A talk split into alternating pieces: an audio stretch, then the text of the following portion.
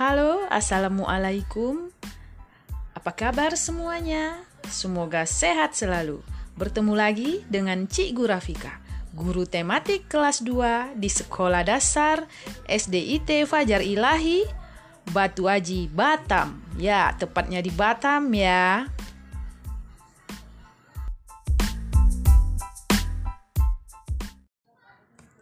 Kali ini Cik Gurafika akan bercerita tentang burung Garuda, tepatnya pada tema 1 subtema 1 pelajaran 1. Ya, kita akan mengenal lambang-lambang atau simbol pada burung Garuda.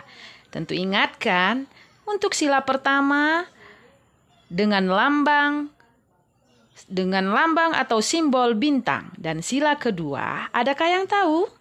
Ya, tentu ya, adik-adik pada tahu semuanya. Dengan gambar rantai dan sila ketiga dilambangkan dengan pohon beringin.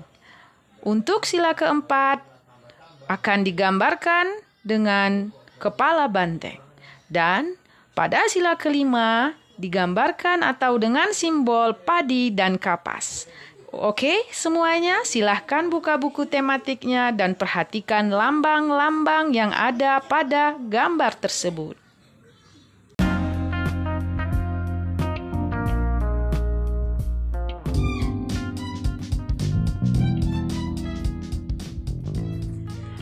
Baiklah semuanya, setelah kita mengenal lambang dan simbol, pada burung Garuda, semoga semua dapat memahami dan dapat mengulang kembali. Perhatikan pada gambar-gambar yang ada di buku paket ya.